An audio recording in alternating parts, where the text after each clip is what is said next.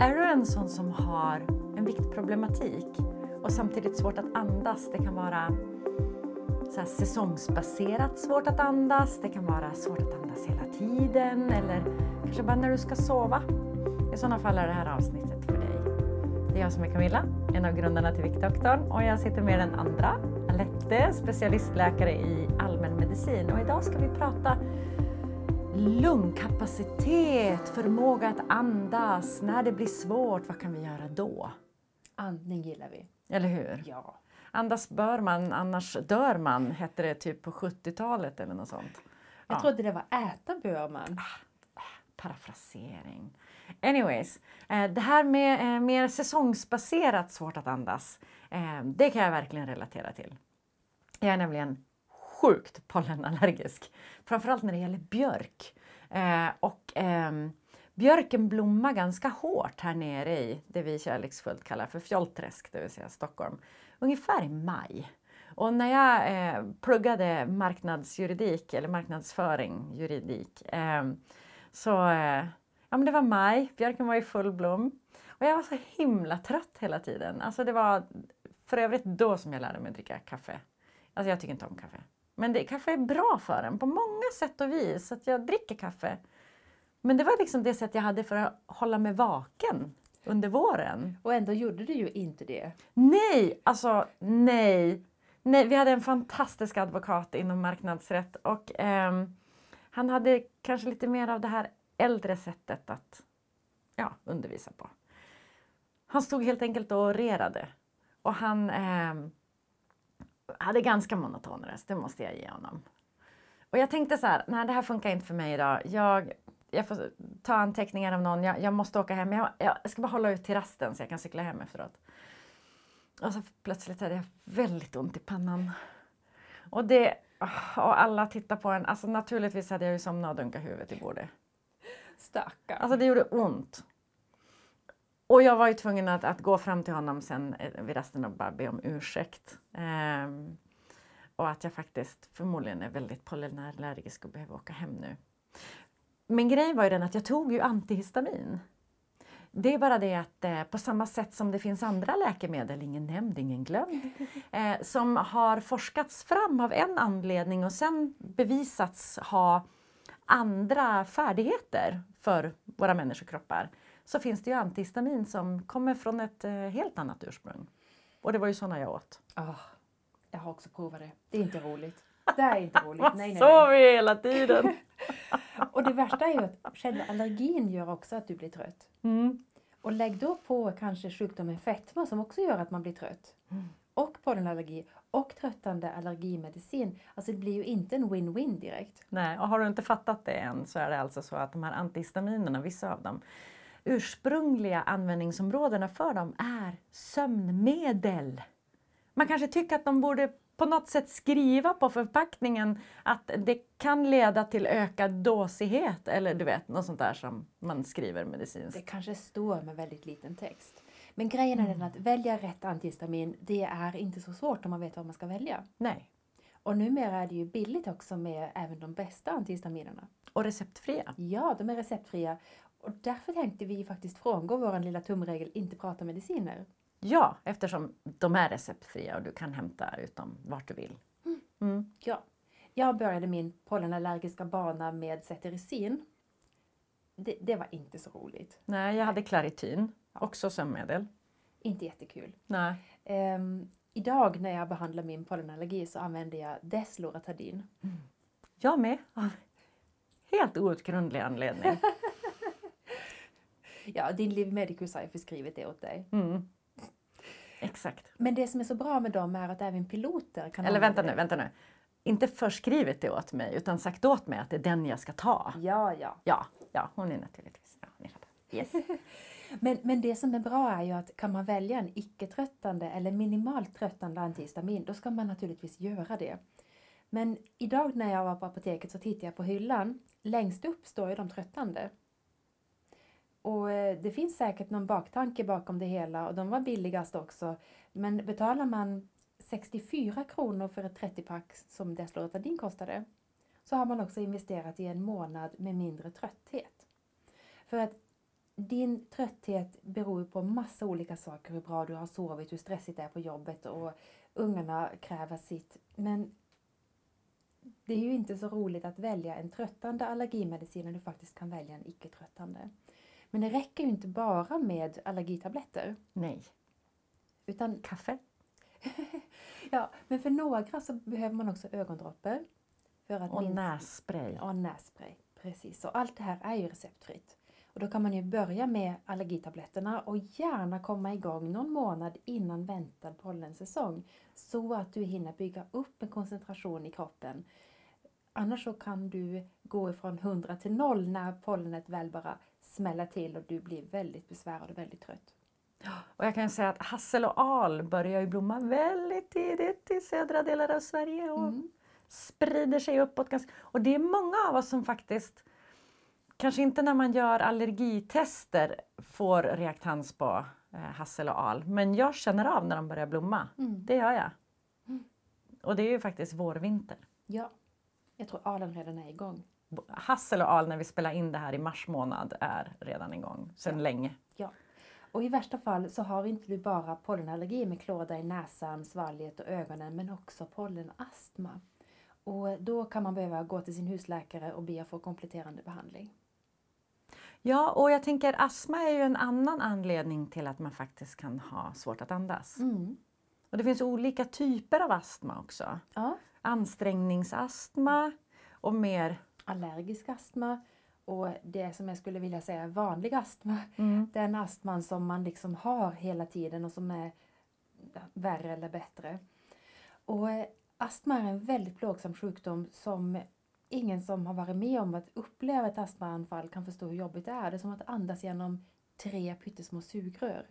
Ja, men alltså jag får ju det ibland Mm. efter eh, jag fick eh, dubbelsidig lunginflammation så jag höll på att dö för några år sedan. Men eh, problemet är ju inte att andas in. Det går jättebra att andas in. Det är bara det att det går inte att andas ut. Så luften stannar. Och när man är fylld i lungan då börjar man få lite sådär äh, obehagskänslor. Men då gäller det faktiskt bara att ta det väldigt, väldigt lugnt. Och bara komma ihåg att ja, just ja, det är svårt att få ut luften. Och så bara låta den komma ut. Ja. Och eh, det att ta sin astmamedicin regelbundet är jätteviktigt för att ha god effekt på den. Astma är en inflammatorisk sjukdom och för människor som lider av sjukdomen fetma eller en kraftig övervikt så är ju fettvävar också inflammatorisk. Och det gör att astman oftast blir värre hos människor som har eh, fetma. Men det är ju inte bara det att astman blir värre, det är också så att lungorna får ju mindre plats. Ja. Och jag tänker det du har pratat om tidigare är väldigt så här när man får en, en bukfetma som eh, accelererar. Eh, så att det blir den här stora hårda magen. Då kan man vara rätt smal om armarna och benen. Det, det behöver inte vara så att man ligger på eh, BMI-gräns för fetma på något sätt. Utan bukfetman kan vara ganska grav ändå. Eller hur? Man kan ligga på övervikt, Ja, man inte kan, fetma. Precis, man kan ha övervikt och ändå ha en ganska rejäl bukfetma. Men man måste gå upp ganska mycket i vikt innan det är så att lungorna får, får Ja, okej. plats. Vilken tur. Så, men för de personer som har svårt för sina lungor att få utvecklas för att bukfetman trycker uppåt, upp mot diafragman, där kan det vara svårt att gå och lägga sig ner i sängen för att lungorna mår ännu sämre när då bukfetman rullar uppåt och trycker upp diafragman. Så att man får typ sova som man gjorde förr i världen för man trodde det var bra att halvsitta. Ja. Bulla upp med stora kuddar och så vidare. Stora kuddar, ha en höj och ställbar säng ehm, eller sova i en fåtölj. Och det låter ju skönt men det är ju inte så skönt när det är natt efter natt. Nej, alltså vi har väl alla sovit sittande. Jag tänker jag, jag har en viss tendens att somna när flygplanet är på väg uppåt. Eh, jag vet inte, jag är bara så intränad på att somna då. Eh, men eh, och man kan sova i fåtöljer, det har man ju gjort. Eller i soffor som kanske inte är tillräckligt långa. Och, eller, men natt efter natt låter ju inte sådär jättetrevligt. Nej.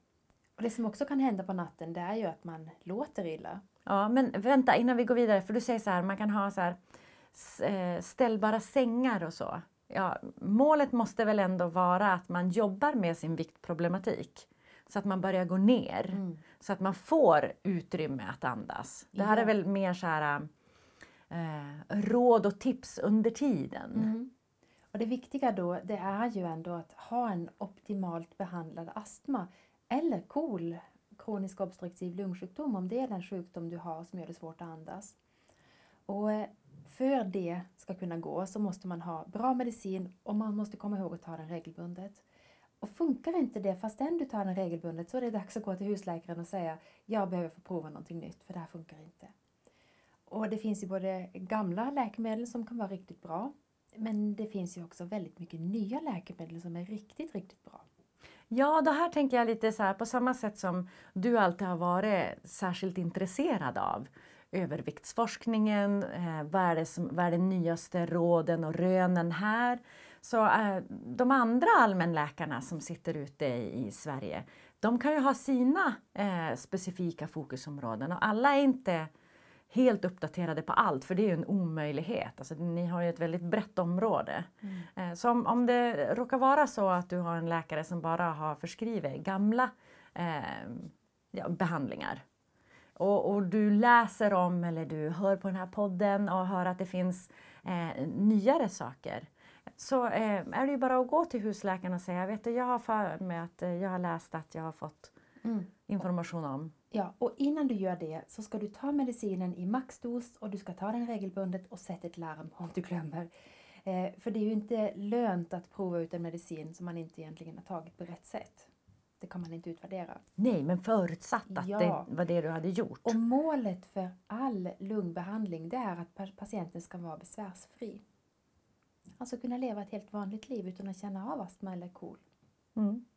Sen finns det ju det här att eh, man egentligen bara är trött. Ja, eller vad ska jag säga? Det är inte att man är trött hela, hela tiden, jämt, alltid, oavsett vad man än gör, utan det är att man vaknar faktiskt inte utvilad. Mm.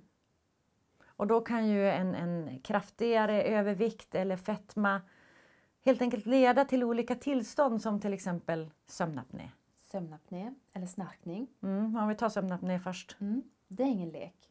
Och sluta andas på natten. Och det fattar man nu, det låter inte bra. Men det är framförallt inte så bra för att syresättningen går ned på natten och den kan sjunka ganska rejält. Jag har satt siffror på att patienten har gått från 95% syresättning till 60 Alltså det känns inte särskilt smart eftersom det borde ju se till att hjärnceller inte klarar sig mm. på de- längre sikt. Ja, precis. På längre sikt är det ett problem. Det finns också en ökad risk för eh, högt blodtryck som i sin tur kan leda till stroke. Och eh, en obehandlad sömnapné, det ska man inte gå och ha. Sen är problemet att man kanske inte vet om att man har det. Ja, men jag tänkte just alltså det här är att man sover och slutar andas när man sover. För att sen komma igång med andning, för att sen sluta igen och så Mm. vidare. Och det, det är lättare om man har en, en eh, sovpartner Mm. som faktiskt noterar detta. Ja. Men om man inte har det, vad får man göra då? Om du är väldigt dagtrött och du inte hittar någon annan förklaring så kan det vara att du har andningsuppehåll, sömnapné. Och eh, då ska du gå till vårdcentralen och be att få en utredning av det. Det kan ju också vara att man toksnarkar. Ja. Och det är inte så charmigt. Alltså det är, väl ett tillstånd vi alla hamnar i ibland, eh, även om det kanske inte är regelbundet varje natt. Jag tänker i alla fall att när jag blir eh, så här dyngförkyld så brukar jag snarka i mycket högre utsträckning. Eh, och eh, ibland räcker det med att man knuffar på den som snarkar men eh, oftast så har ju den ändå inte en bra sömn och blir då tröttare. Mm. Och då säger du att snarkningar, det är större risk att man är en snarkare om man också har övervikt eller fetma. Ja, det Varför? hand- det handlar ju om att man har mer vävnad i halsen. Och vävnad som vibrerar, låter, alltså det är där snarkningen dyker upp. Och, eh, och då är det ju så att ja, det hjälper att gå ner i vikt men det är ju väldigt tråkigt att få höra det, gå ner i vikt så ordnar det sig när man vill ha hjälp här och nu. Och då finns det ju lite andra råd man kan ta till faktiskt. Ja, alltså det är klart det blir bättre om du går ner i vikt men det är ju därför du har kanske redan startat din sista viktresa eller vill starta din sista viktresa. Så att eh, ganska mycket av det vi pratar om idag blir bättre om du går ner i vikt men det är inte så lätt, eller hur? Nej, det är inte så lätt. Och vad gör man då under tiden? Ja, jag skulle säga om du har för vana att ha lite kontinentala vinvanor så är det dags att göra någonting åt det. Istället för två glas vin till maten, ta ett eller ett halvt eller ta det bara på fredag lördag. För alkohol ökar risk för snarkning. Och man tror ju att man sover gott på alkohol men det är ju ingen bra sömnkvalitet där. Nej, man går inte ner djupt nog så man får vila och cell... Nej, det, på, det påverkar på massa olika Ja. sätt. Ehm, sen är det ju också så att om du snarkar och har för vana att ligga på rygg, försök lära dig att ligga på sidan istället. Vet du, jag hade precis tvärt emot upplevelsen när jag fick min lilla. Jaha. Alltså hon, ehm, hon hängde på mig hela dagarna och det gjorde hon långt upp i åldern. Men hon ville också sova på mig på nätterna och jag är en sån som sover på sidan. Mm. Typ så här fosterställningsaktigt. Ehm, väldigt vanligt har jag förstått. Eh, men när jag fick henne och hon ville absolut inte. Då fick jag lära mig att sova på rygg. Mhm. Det var inte lätt. Nej. Så jag för, förstår den här grejen att om, om vi nu säger så här, du kanske är en ryggsovare och så säger vi sov på sidan. Eh, Men vad kan man göra då? då? Ja, det handlar om tennisbollar och t-shirts. Nej, Det här låter ju inte bra. Nej, precis. Och, och det här låter ju ovetenskapligt eller omedicinskt men det är Ja. faktiskt ett råd som jag har fått lära mig av en öron näs halsläkare. Och de är ju expert på snarkning. Eh, man tar en t-shirt och sen tar man en tennisboll eller flera tennisbollar och någon hårsnodd. Och sen så tar man en bit av tyget, sätter in bollen och sen så sätter man hårsnodden på undersidan så att man får en liten boll på ryggen. Och det som då händer är att det där känner du inte av så länge du ligger på sidan. Men om du provar att lägga tillbaka dig på ryggen så blir du påmind och så kan du lägga dig på sidan istället. Mm. Ja, sätter man då fast de här tennisbollarna på t-shirten innan man sätter på sig Ja, ja, man sätter fast dem in. Nu är du precis som en tonåring som har fått en fnissattack. Ja, gode tid. Och det man också kan göra det är ju faktiskt att säga till ens partner, ja men du får knuffa i mig när det låter och så kan jag försöka komma ihåg att lägga mig på sidan. Men eh, det bästa är ju om man kan minska på sin snarkning så att inte partnern behöver vakna heller. Mm, jag trodde faktiskt att du skulle säga det bästa är om man sover i tennisbollar. Okej, ehm, men absolut. uh, jättebra tips och råd där, Alette. Ehm, um, jag, jag måste ändå säga att även, um, även vi som inte då är läkare kan få väldigt eh, ovetenskapliga, eh, fast vetenskapliga eh, råd av våra läkare. När det gäller just eh, pollenallergi så glömde jag att säga att jag fick ett sånt eh, av min allergiläkare och hon sa att när du är ute eh, under pollensäsong och så kommer du in, tvätta ansiktet. Mm. Eh, och eh, gärna skölj ur näsan Mhm. med en sån här nässköljare. Och Ja. då sa jag, tack för rådet, det kommer inte att ske. För det känns som om jag håller på att drunkna när jag gör det. Eh, och det kanske funkar jättebra för dig i sådana fall, fortsätt med det. Men just för att få bort de här eh, pollenen Ja. eh, i närheten av andningsorganen så Mm. blir det bättre. Däremot så tvättar jag gärna ansiktet när jag kommer in nu för tiden. Ja, Och det är bättre. skönt. Inga tennisbollar i ansiktet dock. Nej, men du kommer ihåg också att ta medicinen i tid så att det blir lite mindre besvärligt av det. Jag har någon som påminner mig. Ingen nämnd, ingen glömd. Men ja, Bra. självklart. Bra! Mm. Precis, det är god compliance på den här. Eller denna där som man säger i Disney. Denna där, denna där. Exakt. All right, så nu har vi pratat om massa olika sätt som man har eh, extra svårt att andas när man är överviktig eller har fetma. Mm. Eh, det är dels den här säsongsbaserade pollen på våren. Men jag tänker vi, eh, allergi överhuvudtaget kan Mm. göra att det blir svårare att andas. Ja. Alltså så här pälsdjur och sånt också. Eh, så se bara till att vara väl och rätt medicinerad. Och har du Kommer det som en nyhet för dig att, att du, oj vad jag är trött under våren, ja men det kanske, då går du naturligtvis till eh, vårdcentralen och ber dem testa dig. Eller bara gå och prata med vårdcentralen. Det är inte alltid man ens behöver testa. Nej, okej. Ja, nej, men ta kontakt. Eh, och den andra biten, det här med att man faktiskt ehm, alltid har svårt att andas, astma och KOL. Mm. Och sen när det kanske känns mer så här, som att man sover dåligt Mm. eh, och därför blir så trött Mm. och får svårt att andas. Mm. Eh, eller man blir trött för att man har svårt att andas under natten.